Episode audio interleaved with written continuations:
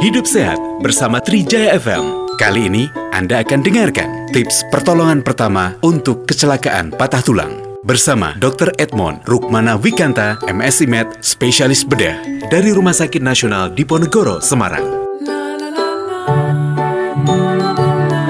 Baik, jadi apabila kecelakaan ya di mana pun kecelakaan tidak harus dengan kecelakaan lalu lintas tapi dengan contoh yang simpel aja seperti jatuh di kamar mandi atau terpleset bisa dilakukan dengan melihat keadaan dari pasien atau dari orang tersebut. Misalkan eh, pasien tersebut atau orang itu sadar atau tidak. Kemudian apakah terlihat patahnya seperti apa dulu? Apakah betul patahnya eh, terlihat langsung menjadikan itu sebagai tanda pasti dari patah tulang atau e, masih curiga?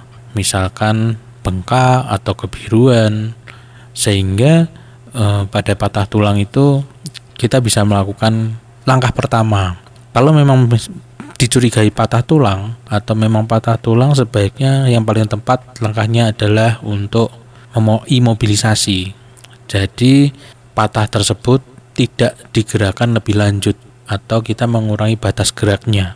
Misalkan saja dengan menggunakan bidai yang paling gampang. Bidai itu tidak harus dengan papan yang bagus atau dengan harus dengan uh, alat yang dibeli, tetapi bisa saja dengan barang seadanya yang ada di sekitar kita. Intinya adalah dari patah tulang tersebut dicegah gerakannya dengan sendi-sendi di sekitarnya dilakukan pematenan atau fiksasi atau tidak bergerak dari sendi itu contoh gampangnya adalah dari patah lengan bawah misalkan ya berarti harus dari sendi pergelangan tangan dan sendi dari siku. Sehingga batas geraknya terbatas tidak bergerak baru dilakukan mobilisasi pasien tersebut dibawa ke rumah sakit. Begitu.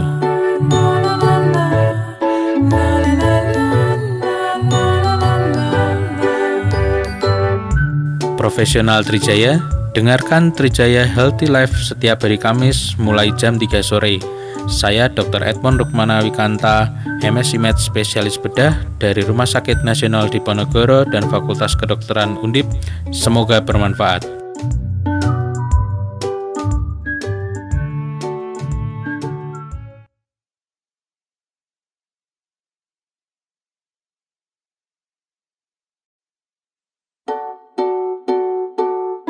Hidup Sehat bersama Trijaya FM. Kali ini akan membahas biaya pengobatan patah tulang bersama Dr. Edmond Rukmana Wikanta, MSI Med, spesialis bedah dari Rumah Sakit Nasional Diponegoro, Semarang.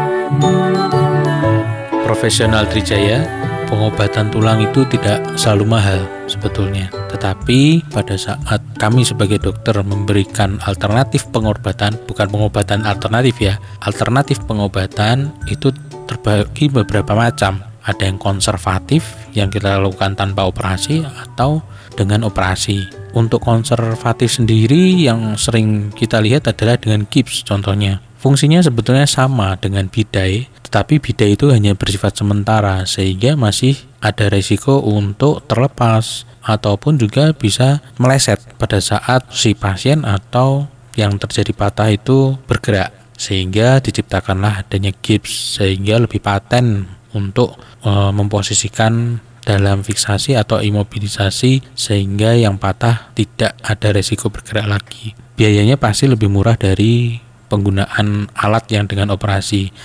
Selain alat yang membutuhkan alat yang untuk dioperasi memang biayanya mahal, tetapi juga memang ada biaya lagi untuk pemasangan alat. Contohnya adalah dengan biusnya, kemudian harus menggunakan rawat inap dan sebagainya. Tetapi intinya adalah kita memberikan yang terbaik. Tidak semuanya harus dipasang alat. Bahkan kalau misalkan pasien saya pernah dapat juga pasien dengan tidak bisa menggunakan biaya banyak ya akhirnya kami lakukan gips gipsnya saja tidak e, seluruhnya dipakai karena misalkan membutuhkan dua gips atau tiga gips gulungan kami menggunakan satu. Dan memang hasilnya tidak maksimal tetapi yang bisa kami lakukan akan kami lakukan. Jadi pengobatan itu tidak harus mahal. Yang penting tercapai. Percuma saja kalau pengobatannya sih nggak mahal tetapi ternyata tidak tercapai sehingga tulangnya tidak menyambung atau terbentuknya menjadi jelek atau bahkan mengurangi fungsi. Sehingga fungsi yang misalkan tangan atau kaki tangan tersebut tidak bisa menggenggam atau tidak bisa bergerak karena pengobatan yang uh, kurang maksimal. Itu saja sih.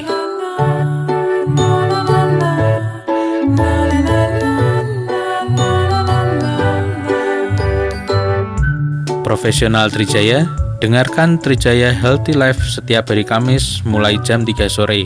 Saya Dr. Edmond Rukmana Wikanta, MSI Med Spesialis Bedah dari Rumah Sakit Nasional Diponegoro dan Fakultas Kedokteran Undip. Semoga bermanfaat.